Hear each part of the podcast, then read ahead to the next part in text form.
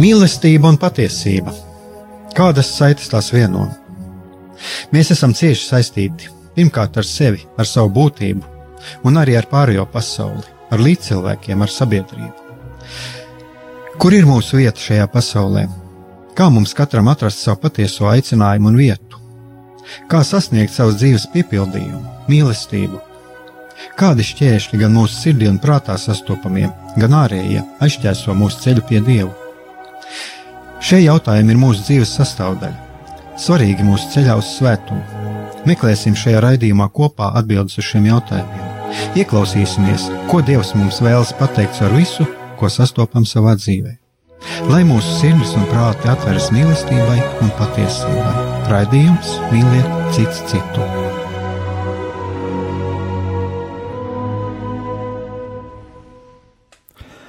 Lai top slavēts Jēzus Kristus, esiet sveicināti, dārgie radio klausītāji. Šis ir raidījums Mīliet cits citu. Studijā esmu es, Aigars Brikmanis, un eh, kā jau jūs eh, esat ievērojuši šajā gadā, jau no kopš šīs sezonas sākuma, mm, mūsu viesis ir atkal Jānis Jakobsons, kurš jau man ir tāda sajūta, ka viņš jau patiesībā mazliet līdzīgi kā jau pieder pie radio. Man vismaz tāda sajūta. Un eh, mēs eh, turpināsim eh, iepriekšējā raidījumā sākto tēmu, kur mēs pieskaram, pieskaramies tādam jautājumam, kā, kā ciešanas. Un tagad man uzreiz ir jānim tāds jautājums, ko tu tagad, ko tu patiesībā par ciešam, ciešanām runājot, tā ir plaša tēma, bet tieši par ko varbūt tu gribi runāt?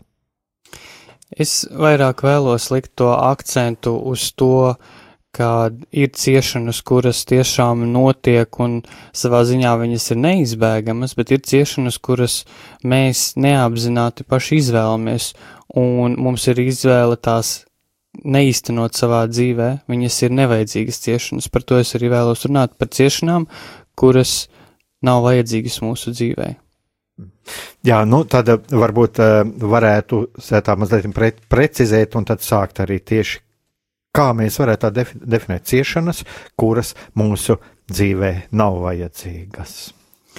Nu, es domāju, ka to varētu skatīties no viena tāda aspekta, kad uh, runājot par šo zemapziņas momentu, jā, kad, ja cilvēks bērnības posmā ir guvis kādas traumas, tad neapzināti viņš šīs traumas pārnesīs arī uz savu pieaugušu cilvēka dzīvi, un uh, šīs traumas uh, viņa dzīvē radīs turpmāk ciešanas. Piemēram, ja cilvēkam ir bērnības posmā bijis kāds smags ievainojums, redzot kā īstenojas attiecības starp viņa mammu un tēti, teiksim, ja tā ir sieviete, meitenīte, viņa redzēja, ka viņas tētis bija vardarbīgs pret viņas mammu, zemapziņas līmenī neapzināti viņa tiks vadīta uz to, vad, vadīs pati sevi uz to, ka viņa izvēlēsies agresīvus partnerus, jo viņos viņa redzēs kaut kādā mērā savu tēti, redzēs varbūt to labo pusi, bet uh, būs arī klātesoša tā vardarbības puse. Un tas ir viens no piemēriem, kā cilvēks izvēlas ciešanas, kuras viņš varētu neizvēlēties, ja viņš apzinātos šos zemapziņas procesus. Tātad mēs, ja mēs tā izdarām tādu kopsavilkumu, tad mēs varam tā teikt, ka šīs attiecības, kur, kura ir šī, šī vardarbība, šajā gadījumā, kur šī sieviete jau piedzīvo tālāk vardarbību, ka tam var būt šie cēloņi, ka kaut kas līdzīgs ir bijis viņas ģimenē. Jā, noteikti. Bet, bet ja mēs tā paskatāmies, jau patiesībā nu, tā, tās ir vienas, vienas no ciešanām, par kurām tur runājam, bet mēs jau te arī runājām mm, iepriekšējos raidījumos, piemēram, arī par tām pašām atkarībām un, un, un, un par, par dažādām līdzīgām lietām, ja, no kurām, varam, kur, no kurām var tikt vaļā. Tātad šeit ir arī jautājums par ciešanām, kuras, no kurām mēs varam atbrīvoties, ja mums tādas ir. Jā, un uh, runājot par atkarībām atkal, jā, šeit ir mm, tas moments, kad uh, vai atkarības ilgtermiņā cilvēkam rada ciešanas, viennozīmīgi jā. Vai cilvēkam ir iespēja tikt prom no atkarībām, arī jā. Vai viņš to vēlas? Jā, bet šeit parādās ļoti daudz bet, un, un no, viens no šiem bet ir tas, ka uh, cilvēks, viņš zemapziņas līmenī netic, ka viņā ir šis resurs, dieva ieliktais tikt pāri tam, ar ko viņš savā dzīvē cīnās, un tāpēc viņš izvēlās šo te atkarību kā veidu, kur uh, izlikt to iekšējo spriedzi un stresu, to neticību sev, kas viņa dzīvē uh, notiek, un tāpēc viņš arī izvēlās iet šo uh, slimības ceļu, bet atkal viņam ir izvēle, izvēlēties veselības ceļu, un to runāt par daudz un dažādiem gadījumiem, teiksim, ja ģimenē ir bijusi no vecāku puses tāda hiper mm, audzināšana, hiperuzraudzība, ka šim bērnam netika dota iespēja iepazīt šo pasauli, un um, tika pārāk daudz uzspiests kaut kāds vecāku tāds varbūt uh, redzējums, kā, kādam šim bērnam ir jābūt, tad uh, šis uh, bērns paaugoties, viņš centīsies īstenot to, ko no viņa gaidīja viņa vecāki, un jāsaprot, ka mēs katrs, kā jau mēs bijām runājuši, mēs esam unikāli, individuāli, un Ja ģimenē pat ir bijuši, teiksim, abi vecāki muzikanti, viņa bērns var piedzimt uh, arhitekts, jā, un uh, viņš nevar piepildīt šajā gadījumā savu vecāku ilgas, no kā viņš iekšē ļoti cieš, un tad viņam uh, ir ļoti zems pašvērtējums, un tad cilvēks vispār ar sevi nenodarbojās, viņš tikai paliek tādā ciešanu līmenī, kas viņu aizved pie trauksmes, trauksme noved pie lielas spriedzes, un beig beigās cilvēks saslimt ar depresiju, un tas prasa ļoti uh, tādu smagu, nopietnu darbu, lai izlīstu no šī visa. Nu, šādos gadījumos es saku tā, kad ir vecāki, kuri uzkrauja saviem bērniem bieži vien savu nerealizēto sapņu līķīšus, un tad tam bērnam ir to līķīti ļoti smagi nest, jo tas nav tas, kas viņam jānes. Un šeit mēs jau varam runāt par to, ka tas nav tas krusts, kurš būtu šim bērnam jānes. Nu, tas ir tāpat, ka mēs varam teikt līdzīgi arī par šīm atkarībām. Ja tā ir tā lieta, uh, kas nav jā, jā, bet kā tu saki, tas ir, tad, nozīmē, tas ir vajadzīgs arī šo apzināties. Jā, man ļoti patīk viens amerikāņu motivācijas runātājs, cilvēks, kurš ikdienā uzstājas publikas priekšā un sniedz dažādas tādas motivācijas, iedvesmojošas sarunas dažādiem cilvēkiem, gan uzņēmumiem, korporācijām, gan parastiem cilvēkiem. Viņu sauc Les Browns, un viņa stāsts ir ļoti interesants. Viņš Tā tad piedzima, piedzima viņam nebija tētis, kas viņu audzināja, tikai mamma. Viņš ir melnādains, un viņš dzīvo tādos ļoti smagos apstākļos Amerikā, un kad viņš auga, būdams mazs bērniņš, eh, viņam, ja es nemaldos, arī ārsti teica, ka viņam būs kaut kādas problēmas ar veselību, kaut kādas mentālas problēmas, ka viņš tur eh, nevarēs pilnvērtīgi domāt un attīstīties, un tad uh, skolā Viņu daudz izsmēja par, par to, ka uh, viņš tā kā esot pārāk lēns un lēni domā, uh, un tad uh, vienu dienu pie viņa piegāja viens pasniedzējs, un viņam teica, les, kāpēc tu esi tik noskumis? Un viņš saka, tāpēc, ka citi uzskata, ka es esmu mentāli atpalicis, un tas pasniedzējs viņam pateica, kāda viedoklim nav jākļūst par tavu realitāti. Un no tās dienas viņš sāka meklēt savu aicinājumu, un viņš saprata, ka viņam ļoti patīk runāt. Viņš uh, devās uz radio, uh, pieteicās par radio dīdžeju, Un uh, viņu vairāk kārt uh, raidīja prom, teica, ka nē, nē, nē, tu mums neesi vajadzīgs. Tad viņš pieteicās, ka viņš, viņš vismaz varētu tur tīrīt telpas, tenī radio ēkā par, par uh, apkopēju, un tad viņam atļāva. Un viņš gaidīja savu iespēju tik ļoti cītīgi, kamēr viņam būs tā iespēja runāt pie mikrofona. Vienu dienu radio DJs saslima un nevarēja tikt ēterā. Un tad uh, viņš sazinājās ar to direktoru un saka, varbūt šī ir mana tā stunda, ka es varu provēt, un viņam atļāva, un viņš tā norunāja, ka kopš tās dienas viņš kļuva par patstāvīgo radio dīdžeju, un pēc pāris gadiem viņš uzstājās stadionā 20 tūkstošu cilvēku priekšā, motivējot viņus par to, ka mums ir Dievs devis ļoti daudz talantus, gan garīgos, gan psiholoģiskos, gan fiziskos, un tas ir grēks, ja mēs to neizmantojam, un kā viņš saka, man ļoti patīk viņa citāts, vai jūs zinat, kur ir visbagātākā vieta pasaulē? Un viņa atbildi ir ļoti interesanti. Viņš saka, ka visbagātākā vieta pasaulē ir kapi, tāpēc ka kapos guļ tie cilvēki, kuri nav izmantojuši savus talantus un potenciālu ka tur atrodas cilvēki, kuri ir neizdzīvojuši savus sapņus, protams, ne visi, bet lielākā daļa viņš saka, tur ir cilvēki, kas nav izdzīvojuši savus sapņus un ir atstājuši šo pasauli, neiztenojot to, ko Dievs no viņiem bija gaidījis. Jā, tāda ļoti interesanta doma, jo, jo patiesībā, ja mēs arī paskatāmies, uh, ieskatāmies arī sevī un uh, tad uh, droši vien, jā, droši vien ir. Es padomāju, nevis droši vien, bet tieši tā arī ir, ka jā, mums ir reiz pa reizē ir vajadzīga šī, šī ieskatīšanās sevī. Es pat teikšu, mums ir vajadzīga arī šī izvērte, un vai mums kāda bagātība neatradīsies, kuru mēs neesam izmantojuši. Un, un šeit ir vēl viena tāda optimistiska nots, ko, ko tu minēji, ka jā, patiesībā šim cilvēkam šis cilvēks ir tāda, nu, šī cilvēka dzīve ir tāda liecība, tas, ko viņš arī darīja, ko viņš pieredzējis, ka pietika vienam cilvēkam. Būtībā būt vienam cilvēkam, kas viņam atvēra acis, jā. tas, kurš pateica, ka cita viedoklis, lai, lai nekļūst par to realitāti, mm. jā.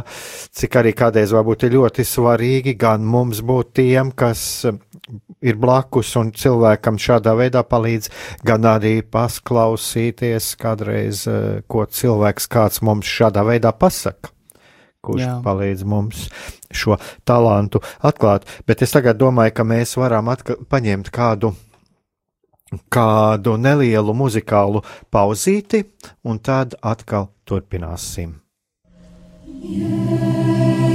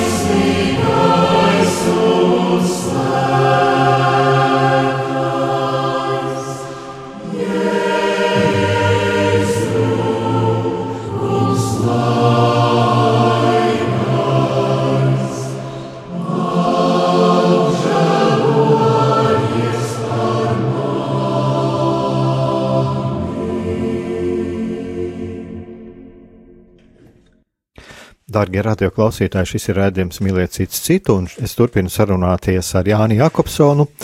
Un mūsu temats ir tāds, ka mūsu temats ir par, par ciešanām, un mēs jau sākām par to pagājušā raidījumā runāt, bet tagad tu runāji par to, tu gribēji kaut ko pateikt, varbūt, jā, klausītājiem. Jā, dārgie radio klausītāji, jūs varat droši sūtīt jūsu jautājumus īziņas veidā uz uh, tālruni 266 77 272.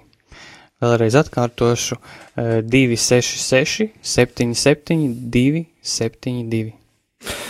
Jā, tā tad, lūk, tā tad jūs variet, ja jums rodās kādi jautājumi vai arī kāds, nu, kāds viedoklis, ko gribiet pateikt. Bet uh, tagad tas, ko mēs runājām, tās ir tās ciešanas. Eh, patiesībā mēs jau bijām arī iepriekšējos raidījumos tam pieskārušies, un, un, un reiz par reizi es domāju, ka arī tas par to tiks runāts, kā iziet no šīm ciešanām.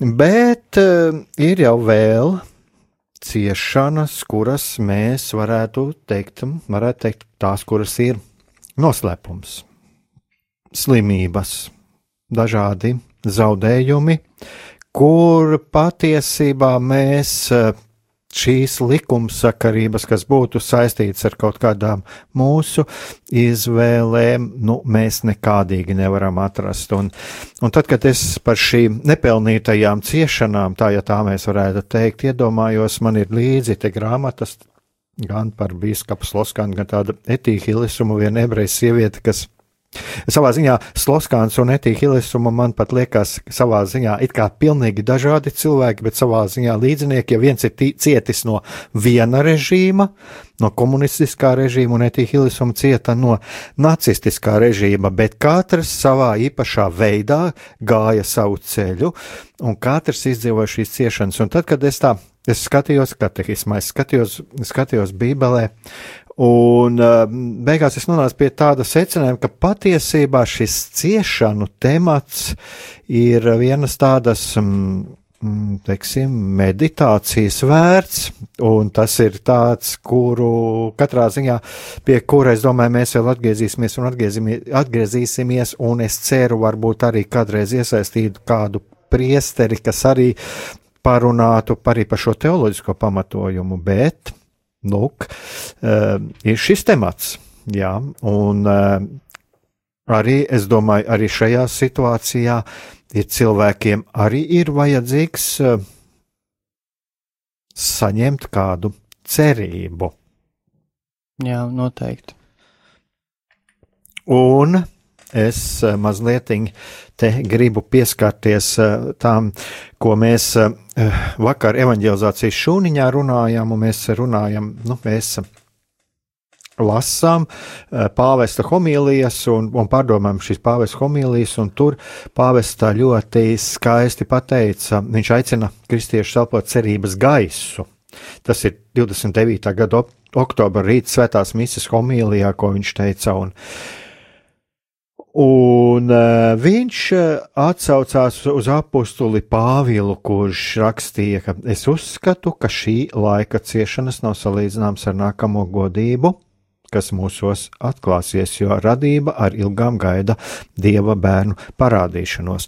Bet uh, šeit ir atkal, um, mēs, jau, mēs jau varam varam uh, ņemt citātus no Bībeles, varam ņemt citātus no katehisma, bet reālajā dzīvē saskaroties ar ciešanām, ko piedzīvo cilvēks, tās ir viņa konkrētās ciešanas. Un eh, šeit ir, eh, manuprāt, es man liekas, iepriekšā raidījumā arī pieminējos, ka mums ir ļoti, ļoti jābūt tādai takta sajūtai, un kādreiz ir svarīgāk būt klusējot blakus šim cilvēkam, varbūt paņemt viņa roku, paturēt vai apskaut, un neteikt nevienu vārdu. Jā. Jā, tieši ar šo es gribēju arī tagad šo nākamo sadaļu. Starp citu, kas eh, vienam priesterim, pieredzējušam priesterim par šo iemanījos, par šo raidījumu, ka mēs te tā gatavojamies, un viņš saka, jā, tas ir tāds, kā viņš teica, ļoti, ļoti vai sarežģīts temats. Es precīzi nepateikšu, ja, bet priesteris, kas ir arī ar pieredzi šajos jautājumos.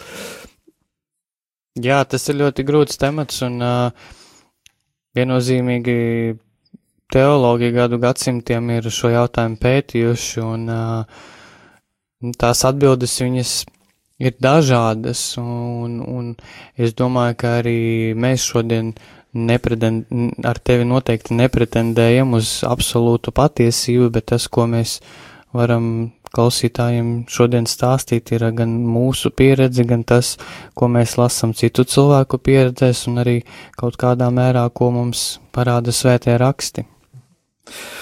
Jā, un šeit eh, es varbūt es tā, tādus eh, uztaisīju tādus nelielus uh, nelielas piezīmes uzreiz, eh, ar ko eh, mums kādreiz nākas saskarties, saskaroties ar ciešanām eh, Un es šajā gadījumā, kad, tad, kad arī tur runāju, pieminējies arī par šīm slimībām, ciešanām, ir uzreiz man kaut kā liekas, tas ciešanu temats, viņš liekas tādā vienā lielā blokā. Ir šīs emocionālās ciešanas, ir šīs fiziskās ciešanas, ir gal galā arī, arī šīs ciešanas, ko mēs piedzīvojam kādu zaudējot. Jā, un ja konkrēti runāt kā no manas puses par, te, par šīm te psiholoģiskām ciešanām, tad, ja emocijas mūsu psihē, mūsu dvēselē ir ievainotas, tad tas atstās iespaidu uz mūsu ķermeni. Tas ir ļoti cieši saistīts. Un, un savā ziņā tas arī veido kaut kādā mērā mūsu ikdienu. Ja mēs ciešam emocionāli, mēs cietīsim arī fiziski. Tāpēc ir visas šīs psihosomatiskās slimības, vegetatīvās distonijas, depresijas un tā tālāk. Uh, bet ja mūsu emocionālā pasaule ir vesela, tad ir liela varbūtība, ka mēs varam nodzīvot arī visu dzīvi savā ķermenī veselīgi, un šeit atkal stāv jautājums par to, vai es izvēlos iet šo emocionālās un arī garīgās dziedināšanas ceļu, ja man nav tam kaut kādu objektīvu šķēršļu. Jo, kā jau tu minēji, ir ciešanas, kuras mēs nevaram izskaidrot, Dievs viņas pieļauj, Dievs viņas nevēlas kā tādas, jo Dievs de facto nevar vēlēties ļaunumu, jo Dievs ir absolūts labums. Tas ir pretrunā viņa gribai eh, vēlēties kaut ko ļaunu. Bet ir brīži, kad Dievs tiešām to pieļauj, un šeit noteikti vajadzētu kāda teologa arī skaidrojumu, ko nozīmē pieļauj. Es nebūšu tik kompetents atbildēt uz šo jautājumu, ko tas nozīmē, bet Tātad Dievs pieļauj, jā, un, un kad ir šīs te ciešanas, kas ir savā ziņā neatgriežamas, protams, tur nekas cits neatliek cilvēkam kā saukt uz Dievu un no tās situācijas izvilkt maksimālo labumu, ko Dievs bieži vien arī dara, kad cilvēks atrodas ciešanās. Bet ja mēs runājam par ciešanām, kuras ir iespējams, ja tā var teikt, novērst, kas ir mūsu varā, tad uh, mums tur noteikti jādara, jo citādāk mēs paši sev radam ciešanas, un nereti arī uh, kristieši mēdz aizbildināties ar to, ka tas ir viņu krusts, kas patiesībā ir vienkārši viņu ievainojums, ar kuru viņi skatās gan uz debesu tēvu, gan uz apkārtējo pasauli. Nu jā, te mēs varam varbūt uzreiz, ko es gribētu pirmo pateikt, kāda Dievs, Dievs nav. Mm, Dievs Dievs neprasa. Dievs, pirm, Dievs pirmkārt nesoda, ko, ko gribētos uzsvērt. Tas ir viens. Otrs, eh, mēs jau kā kristieši neesam aicināti būt kādi mazohisti. Šeit nav runa par, šeit nav runa par to, ka mm, meklēt apzināti kaut kādas ciešanas, lai gan da, lasot dažus svēto dzīves aprakstus, ja mēs varam tur redzēt šo, kad tur es vēlos ciest par Kristu, es vēlos uh, mirt par Kristu, bet es domāju, ka to ir jāskatās arī attiecīgā laika kontekstā, jo galu galā, piemēram, pirms simts gadiem šeit bija uh, brīvības cīņas, un arī daži gāja ar to domu, varbūt es arī vēlos, nu, ja man ir jāmirst, tad man jāmirst, jāmirst par Latviju, jā. jā. Uh, un kopumā vispār jāskatās tā laika kontekstā, piemēram, šodien Vatikāna radio stāstīja arī par to, uh, nu, kas, kā izmainījās attieksme pret ne, ne nekristītajiem bērniem. Jā. Jo, jo arī baznīcā ir mainījusies izpratne par šo lietu gadsimtu gaitā. Um, kāpēc man, man ir uh, tik ļoti tuvs šis etijas hilesums piemērs? Uh, tāpēc, ka no šo grāmatu es dabūju pagājušajā vasarā, un viņu ir izdevis tāds Jēzus priesteris, kurš ir uh, apkopojis šīs ebreju sievietes, viņa ir no Nīderlandes, aizgāja bojā Aušvicā ļoti jauna, jaunībā vēl nebija sasniegusi 20 gadus, bet viņa Tad, kad sākās viss šis holokausta laiks, viņa bija absolūti laicīga, absolūti laicīga, un viņa, es pat nevarētu teikt tā, ka e, vai to varētu saukt, e, definēt kā ticības ceļu, bet katrā ziņā arī kāpēc šis priesteris pievērs viņai uzmanību, ka viņa šajā ciešanu laikā kad eh, arvien vairāk un vairāk bija spiediens pret šiem ebrejiem, un kad arvien vairāk un vairāk tojās šis briesmu brīdis, ka viņa ļoti daudz par to domāja, un, un, un pateicoties savam eh, psihologam, ar kur viņu, ar kur viņu eh, tikās, viņš viņu iepazīstināja ar svētiem rakstiem, ar, ar Augustīna darbiem. Svēto Augustīnu un, un vēl dažādiem garīgiem tekstiem. Un, viņa sāka domāt par šiem eksistenciāliem jautājumiem, un tur parādās tāds moments, ka viņa redz, kad notiek visas šīs vajāšanas, viņa neko nespēja darīt, redz, kā viņas tautieši cieš, un viņa nonāca pie secinājuma, ka es varu palīdzēt Dievam. Jā. Ka Dievs, ka es varu palīdzēt Dievam. Un līdz ar to atkal šis jautājums, kā es varu palīdzēt Dievam, jā, Tur arī e, parādījās tālāk, viss, kā viņa centās palīdzēt tiem pārējiem ebrejiem, bet pirmais ir, pirmais ir kas, ka viņa uh, nonāca, es šī, šeit man ir pavisam svaiga grāmata, bet viņa nonāca pie tādas situācijas, ka viņa spēdama pieņemt šo situāciju, kādā viņa ir, Tātad Dievs, ja Dievs ir pieļāvis, ka šī situācija tā tam, tam ir kaut kāda nozīme, un tas savā ziņā arī viņai palika noslēpums, ka viņa, kā stāvēdama pie nometnes žoga, varēja skatīties uz debesīm un priecāties par to dāvanu, ko Dievs viņai nevar, eh, ko Dievs viņai devis un ko neviens nevar atņemt, un tur ir piemēram tāda frāze, ko viņa pati rakstījusi, ka es gribētu ātri atgūt veselību, Taču no tavām rokām, mans dievs, es pieņemu visu, lai, ka, lai kas tas būtu. Tevis dotais vienmēr ir labs, jo es zinu, esmu iemācījusies, ka panest ciešanas, panesot ciešanas, tās iespējams pārvērst labajā. Es domāju, ka šeit ir arī mm, tāds. Um, Jā, šeit ir šis noslēpums, no kura mēs nevaram atrast izskaidram līdz galam, bet, bet ja mēs, piemēram, paskatāmies uz uz Ignācisko, nu, ko Ignācijas ieteica, ja, man pavisam, pavisam nesen arī vēl tieši nācās šim tekstam pievērsties, ja, kur viņš arī runāja par šo, patiesībā, kā mums audzināt šo svēto indiferenci, šo svēto vienaldzību, ka e, no visām lietām izvēlēties to, kas mūs tuvina Dievam. Un, neiz, un e, kas ir varbūt vissvarīgākais, ja, neizvēlēties starp veselību un slimību, ne, ne, nevēlēties veselību, nevēlēties ilgu mūžu un tā tālāk, ja, kas likās paradoks, kas likās paradoks. Bet, ja mēs paskatāmies dziļāk, tad tur ir ļoti, ļoti dziļa jēga tam. Lūk, tā, un tāpēc, tāpēc es skatos par šo jautājumu, kad mēs tā domājam, um, ir tas cilvēks, kurš ir šajās ciešanās, viņam tas, man liekas, tas, ko mēs runājam, atkal, kā es vienmēr gribu atgriezties pie tā, ka tās ir viņa paša ciešanas. Jo gan arī šeit man ir tas pats eh, Sloskāna dzīves, biskaps Sloskāna dzīves atrast apraksts, eh, gan šī etija Hilesum un daudzi un daudzi cilvēki, kas ir cietuši gan no režīmiem, gan no slimībām, gan arī no kaut kādām dabas iznestām kat katastrofām, nu, galu galā no vardarbības, no tuvinības dzīvniekiem. Jā. Uh, pat, pat kas ir viens no tādām smagām lietām. Ja. Mm, viņi, viņi ir patiesībā mēs visi esam aicināti tā kā. Uh, kā saka, ka Dievs var no, no līkas līnijas zīmēt taisni. Ja? Mēs visi esam aicināti caur pietuvošanos Dievam, arī padarīt to par svētību.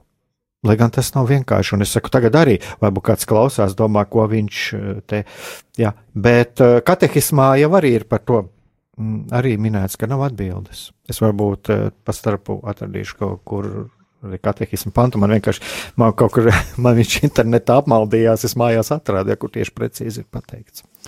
Nu jā, es, es atkal kā topošais psihologs, protams, mana profesija sevī pamatā ietver to, ka uh, palīdzēt cilvēkiem tikt ārā no viņu ciešanām, un es, nu, pateikšu no savas puses to, to otru redzējumu, un Man ļoti patīk uh, tas, kad, uh, nu, tieši minēja, ja, kad uh, šajā gadījumā šī sieviete, Etija Hilesuma. Etija Hilesuma, jā. Jā, un, un arī mūsu dārgais bīskaps Boļeslavs Loskans, uh, un arī, ja mēs varam pieskaitīt turpat Vladislavu Litonieku un, un visus citus, uh, kas cieta, viņu gadījumā uh, viņi neizvēlējās ciešanas, bet kāds uzurpēja viņu brīvo gribu un nostādīja viņus tādos apstākļos. Līdz ar to tā nebija viņu brīvā izvēle. Tikpat labi, ja nebūtu šī kara, tad es domāju, nu, viņiem arī nebūtu šo ciešanu, ja, jo viņi netiktu paņemt uz to koncentrācijas nometni. Bet, ja tādi apstākļi ir notikuši, tad, e, protams, e, Dievs to ir kaut kādā mērā pieļāvis, un tad cilvēkam ir jāizriet no tās situācijas, kur viņš atrodas šeit un tagad, un kā viņš var tās ciešanas, kuras ir neizbēgamas, kā viņš viņus var vērst par, par svēdarošu elementu, ja tas, ko tu, manuprāt, mini, kā es to saprotu. Bet, eh, jā, un šeit ir tas moments, ka ir ciešanas, kuras mums tiek Uh, ja tā teikt, nestas dzīves, nestas, jā, arī kaut kādu ļaunu apstākļu nestas, pie kā Dievs vispār nav vainīgs, bet cilvēki izmantojami savu gribu, ļauno gribu, nodara otram pāri. Uh, bet ir šie gadījumi, kur mēs, mums neviens nenodara pāri, un mēs paši ar savu izvēli izvēlamies dzīvot ciešanās, un man liekas, šis ir tas moments, kur mēs varam pateikt ciešanām nē, un pateikt dzīvē jā. Labi, es domāju, tagad paņemsim muzikālu pauzīti, un tad mēs atkal varēsim turpināt.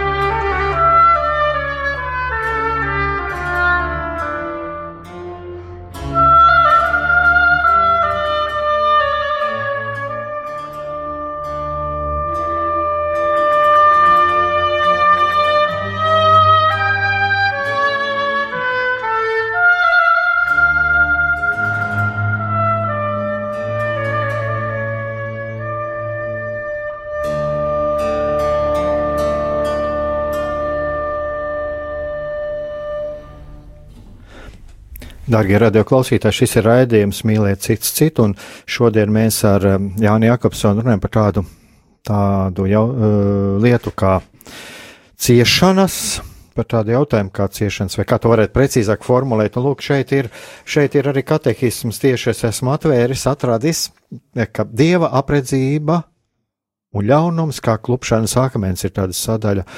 Un, uh, Un tur arī, jā, tātad šis ir šis klupšanas akmens, un, un šeit ir arī ir atbilde uh, uz šo tik labi, uz šo tik labi neatliekamo, kā neizbēgamo, tik labi sāpīgo, kā noslēpamaino jautājumu, neviena atbilde nebūs uh, pietiekama.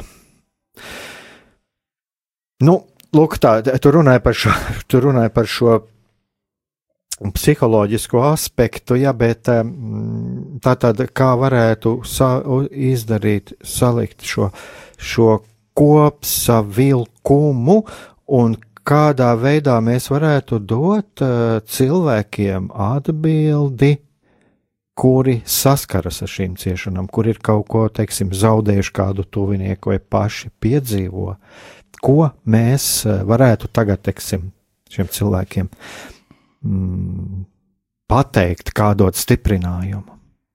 Jā, pirms, pirms es izsaku savu viedokli, es vēlreiz atgādināšu skatīt, klausītājiem uh, iespēju atsūtīt jūs jautājumus ēterā. Uh, tālruņa numurs būs 266 77 272. Vēlreiz atkārtošu 266 77, 272. Um, runājot par kopsavilkumu, es uh, centīšos arī tā īsi minēt kādu ļoti izteiktu 20. gadsimta figūru, um, personību. Viņu sauc uh, Viktors Frankls, viņš ir uh, bijis uh, psihiatrs, psihologs, psihoterapeits, kurš atradās Aušvicas nometnē arī kā šī ebreja sieviete. Uh, un viņš piedzīvoja ļoti smagas ciešanas no tiem apstākļiem, kas tur ir bijuši. Viņam ir vairākas grāmatas, kuras viņš ir sarakstījis jau pēc iziešanas no koncentrācijas nometnes, un uh, šis cilvēks ir apbrīnojams ar to, ka um, viņā šī te vēlme pēc dzīvības un dzīves kā tādas abrīna bija tik liela, ka viņš uh, cerēja, ka viņš kādu dienu tiks ārā no turienes. Viņā bija šīs te ilgas pēc dzīves, un uh, viņš apraksta to, kā uh, viņiem iedeva tur maizes riku vienu laikam uz nedēļu vai kā, un ka viņš to vienu maizes riku, to vienu plāksnīti, viņš plānoja, kā viņš viņu ēdīs, kā viņš viņu sadalīs, kādā tur šķidrumā viņš viņu mērcēs, lai tas būtu sātīgāk, jā, ka tajos apstākļos, kuros viņš ir bijis, viņš maksimāli centās darīt visu tā, lai viņš izdzīvotu. Un mēs to varam attiecināt uz mūsdienām. Ja mums ir doti tādi apstākļi, ka mums ir ēdiens, mums ir darbs, mums ir medicīna, mums ir daži dažādi speciālisti, mums ir priesteri, kas ir Latvijā ļoti atvērti, un mēs neizmantojam tās iespējas, ko mums tiešām Dievs dod, Tā ir Dieva dāvana, viss ir no Dieva rokas. Nekas bez Dieva rokas, ne, nekas vispār bez Dieva nevar pastāvēt. Un ja mums šīs lietas ir iespējamas izmantošana, un mēs to nerealizējam, tad mēs varam vainot tikai paši sevi savās ciešanās. Un atkal, šis ir tas piemērs, kur mēs paši varam izvēlēties vai neizvēlēties ciešanas, tādā kontekstā, ka, ja mums ir apstākļi doti par labu mums, un um, arī, manuprāt, tas, ko baznīca bieži vien aicina, kad cilvēkam ir kaut kāda slimība, viņa vienmēr saka, tev ir jādodas pie speciālista, tev ir jādodas pie profesionāla ārsta un jādara visu iespējamo, lai tu varētu izārstēties. Ja tas nepalīdz, protams, paralēli tam cilvēks arī lūdz Dievu, varbūt par viņu kāds upurē svēto misi, viņš lūdzas par viņu, aizlūdz, viņš saņem slimnieku sakramentu. Un ja tas viss nepalīdz, nu tad tas paliek noslēpums. Bet mūsu pienākums ir darīt visu iespējamo, lai mēs būtu veseli un ar savu dzīvi varētu kalpot apkārtējiem un dievam. Tāds ir mans viedoklis. Uh, jā, es domāju, ka tas, tas tavs viedoklis, uh, nu patiesībā tas ir, es domāju, ka tas ir ļoti saskaņā ar to, ka, ko māca baznīca un, un, un, un, un, un, jā, un arī ko māca evaņģēlijas, un, un paldies tev, ka tu par šo tagad runāji, jo, jo tas man bija laiks arī pašķirsīt šo grāmatu, jo man, man ir oriģinālā grāmata viena, ko es esmu aizdevis projām uz ārzemēm, un viņi ir, man ir visi pasvītrojumi, ko es varētu šeit izmantot, un tagad man pavisam svaiga, un lūk, šeit man ir uh, es vienkārši varu nolasīt no tā, ko Etīna Hilisam, lūk, šī ebreja sieviete. Uh, viņa, starp citu, jā, viņa gāja bojā Aušvicas nometnē, bet viņa tajā laikā rakstīja, kad viņa vēl bija uh, tādā Vesterborkas pagaidu nometnē, tas bija Nīderlandē. Un pat cik viņa bija tādā nacistu veidots iestādījums kā Jūdenrāt, es domāju, tāpēc tur, protams, tiek pieminēts arī viņa, viņai vēl bija šī iespēja uzrakstīt, ka viņa netika uzreiz likvidēta, bet eh, tas eh, tagad es nolasīšu vienu viņas eh, rakstīto teikumu vienu viņas rakstīto mm, fragment no tā, ko viņa rakstīs. Tur ir vairāk kā viens teikums, bet uh, man liekas, tur ir ļoti, viņa ļoti precīzi pateikusi. Tātad, lūk, ko raksta Etija Hilesuma. Vakar man radās doma, ir liela atšķirība starp ciešanu meklēšanu un ciešanu pieņemšanu. Pirmajā gadījumā ir runa par slimīgu mazohismu, otrajā - saprātīgu izšķiršanos par labu dzīvei. Lūk, tā tad es, man liekas, arī tas motīvs, ko tu teici. Ja, ir šīs ciešanas, ja. viņas var būt arī slimība. Uh, un es šeit teikšu, to, no kā cilvēka kaut arī var baidīties, var, tā var būt arī nedziedināma slimība, vai arī tā kā šis ieslodzījums, šīs nāves, pastāvīgās nāves briesmas, kā Hilisumas gadījums. Bet viņi runā par to, ka, lūk, arī šeit ir šī izvēle. Tātad vai nu meklē, vai pieņem un pieņem šo situāciju. Nu, šī situācija tāda ir. Un lūk, ko viņa raksta tātad. Mums nav jāizvēlas ciest, tas ir tas, ko raksta Etīhilisuma. Mums nav jāizvēlas ciest, taču tad, ja, cie, tād, ja ciešanas pienāk, mēs nedrīkstam no tām bēgt. Un ciešanas mums sevi uzspiež ik uz soļa. Tomēr tās neliedz dzīvei būt skaistai.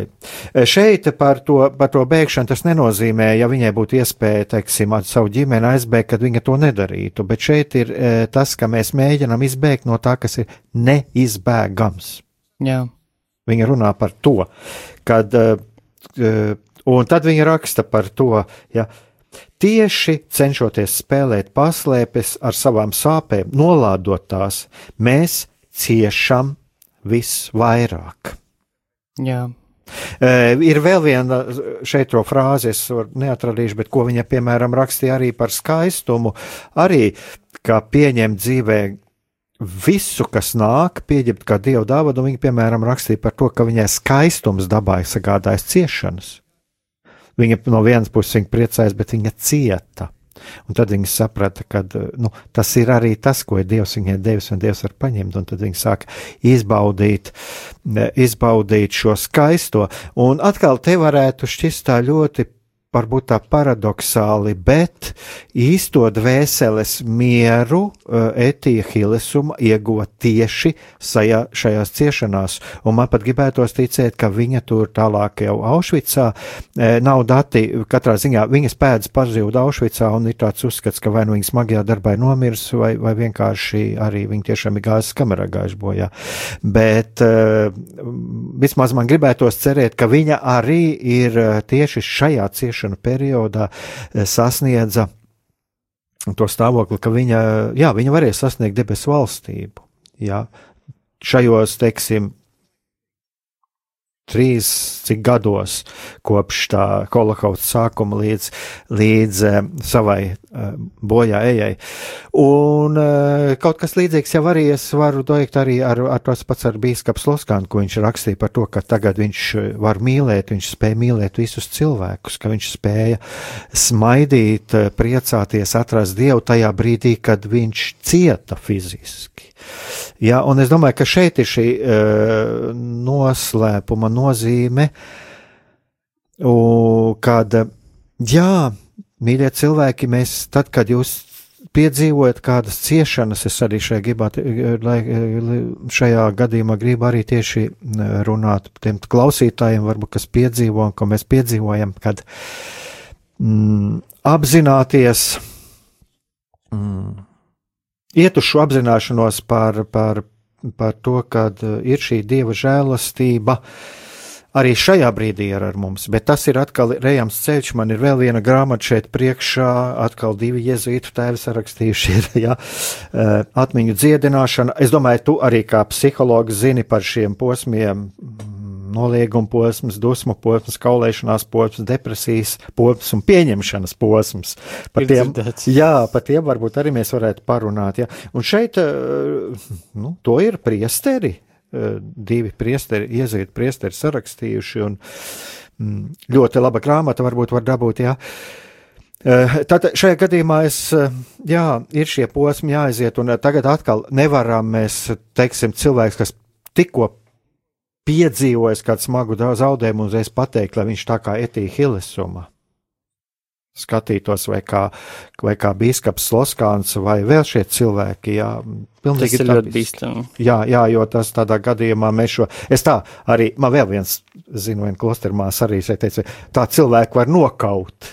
Jā, ja mēs uz kaut kādu tādu prasību, jā, bet katrā ziņā iedot šo nu, iedot šo cerību. Un atkal man ir tāds ļoti skaists uh, Etijas Hilesumas uh, citāts, uh, ko viņa teica. Ja atkal atgādināšu, būdam šajā ieslodzījumā, kur ir apkārt, teiksim, dzeloņdrātis un apkārt ikdienas nāves draudi, ko viņa saka.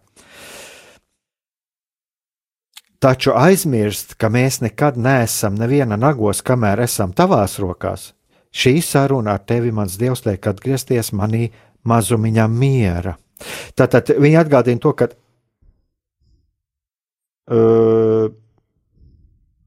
mēs neesam neviena nagos, kamēr esam dieva, dieva rokās. Jā. Nu, šajā gadījumā viņi runāja par šiem, nu, šeit ir tas teksts ir garāks, ja, bet ko viņi atgādina, ja, kad atkal, vai tie ir tie apstākļu nagi. Mm -hmm. Tie ir tie apstākļu nagi. Un kad, lūk, kad mēs esam diev, dieva rokās, un viņa arī raksta par to, uh, ka, jā, kad uh, visu laiku tiekties pie dieva un, un uh, šeit man liekas arī tas, ja es daudz ar tevi runāšu, un tā neļaušu tev no manis aizbēgt. Tā tad viņa saka, pa dievu, pa dievu, es daudz ar tevi runāšu, un tā neļaušu eh, tev no manis aizbēgt. Atkal viens, kas ir ļoti man liekas, arī ļoti svarīgi eh, runāt ar Dievu. Runāt ar Dievu par savām ciešanām. Jā, un es piebilstu, runāt un arī prasīt Dievam, eh, vai es varu, un ja varu, tad kā man tikt ārā no šī, ja, ja, ja tas ir iespējams, meklēt šos ceļus, un, un, un, un ja atkal runāt par to veselības pusi. Un uh, man arī nāk atmiņā mm, pirmie gadsimti, kad kristieši bija mocekļi, ja, un kā mēs zinām, tā moceklī bija ļoti nopietna, kā katoļus, katoļu kristiešus ņēma kā, kā ielas apgaismotājus, lāpu vietā dedzināja, un tur Romā viņus lika uz ielām, lai cilvēki iet un nebūtu tumšs. Tādā mocekļa nāvē mira mūsu brāļi. Viņus meta kolizējā, to mēs visi esam dzirdējuši un zinām. Un jautājums, vai Dievs grib, lai viņa bērni šādā veidā cieš, es domāju, atbildi ir nē, bet apstākļi bija tādi, kādi viņi bija. Ļaunums izmantoja savu brīvo gribu šādā veidā, un šiem kristiešiem nācās pieņemt to situāciju, un kā jau es teicu, uh, mana tēva gars tādos brīžos runās ar jums un teiks priekšā, ko un kā teikt, un es esmu ar jums līdz pat pasaules beigām, ja, ka Jēzus tajā brīdī ir ļoti īpašā veidā klāt cilvēkam, kad viņam ir ciešanas. Un uh, man uh, arī tāds šodien bija ļoti izcils piemērs. Es gāju no darba uz mājām, un uh, kamēr es stāvēju pie luksafora, man blakus stāvēja kāds jaunietis, un viņš klausījās austiņas. Un luksaforā bija sarkana gaisma. Un viņš sāka iet pāri ielai, nepaskatoties, kas notiek pa kreisi. A, tur brauc ļoti lielā ātrumā smaga mašīna. Es iekliecos, cik vien es varēju, un īstenībā es pats sastingu, jo man likās, ka viss tulīt, uh, nu, viņu vienkārši nobrauks, viņš būtu līķis. Es iekliedzos, sastingu, un tas mašīnists sāka pīpināt, un pēdējā brīdī sauniec kaut kā sapratās un paskrēja nost. Un atkal šeit ir tas piemērs, kad vai viņam bija izvēle izdzīvot vai nomirt. Viņam bija izvēle. Viņam bija izvēle pagaidīt, kamēr būs zaļa gaisa, mierīgi pāriet pāri ielēm, viss. Bet viņš izvēle, savu gribu izmantoja diezgan nepareizi, būdams pavirš, kā rezultātā viņš jau tagad varētu būt Dieva priekšā. Nevis, teiksim, vakariņot ar savu mammu, kas ir ļoti skumji, protams. Un es vēl pavisam īsi arī vēlos citēt kādu rakstu vietu no apustuļa Jāņa trešās vēstules, eh, kur ir eh, tikai viena nodaļa, un tur ir tādi vārdi, eh, apustulis Jānis saka, tas ir treš, tātad Jāņa trešā vēstule, pirmā nodaļa un otrais pants, un viņš raksta savam māceklim, vismīļais, es lūdzu Dievu, lai tev visās lietās labi klātos, un tu būtu vesels tā, kā tavai dvēselē jau labi klājas. Vēlreiz nolasīšu, vismīļais, es lūdzu Dievu, lai tev visās lietās labi klātos, un tu būtu vesels tā, kā tavai dvēselē jau labi klājas. Man liekas, šeit atkal mēs redzam to, ka apustulis Jānis, viņš novēl savam māceklim šo te veselību, un, un, un lai viņš ir, nu, tā teikt, pilnvērtīgs, ja, lai viņš izdzīvo šo dzīvi. Un tas iet roku rokā ar to, ko baznīca māca, kad, ja mums ir iespēja, mums no savas puses ir jāmeklē šo veselību. Ja apstākļi nav tādi, kā tu minēji šīs dienas varoņiem, šai gadījumā šai sievietei, uh, Hilesumai un biskupam Boļeslavam.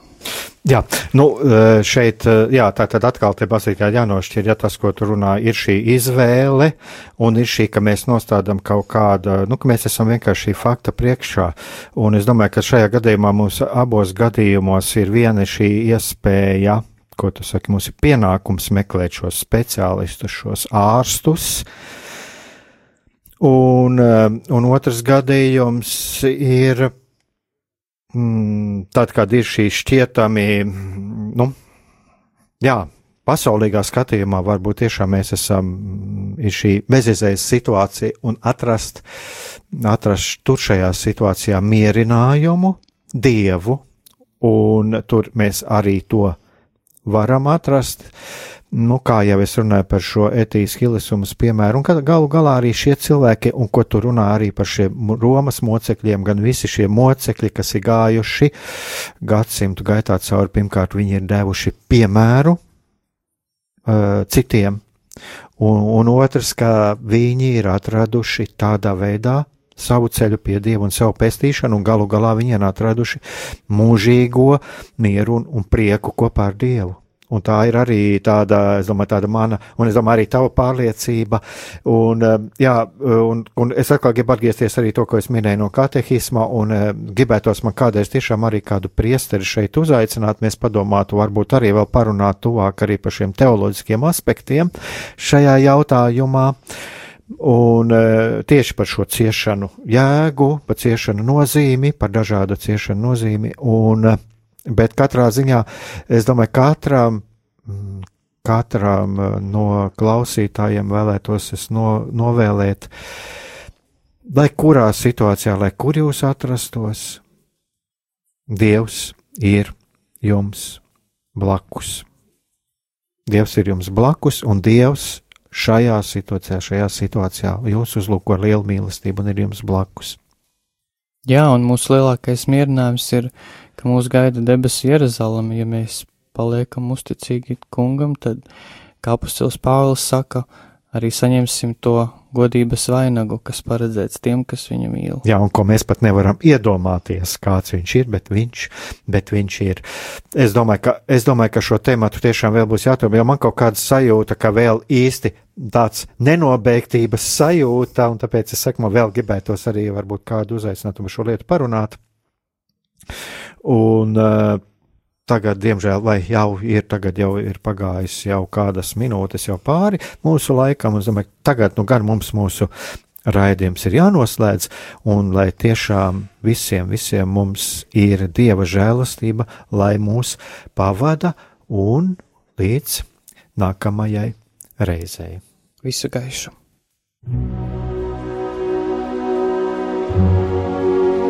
Mīlestība un patiesība. Kādas saites tās vieno? Mēs esam cieši saistīti pirmkārt ar sevi, ar savu būtību, un arī ar pārējo pasauli, ar līdzcilvēkiem, ar sabiedrību.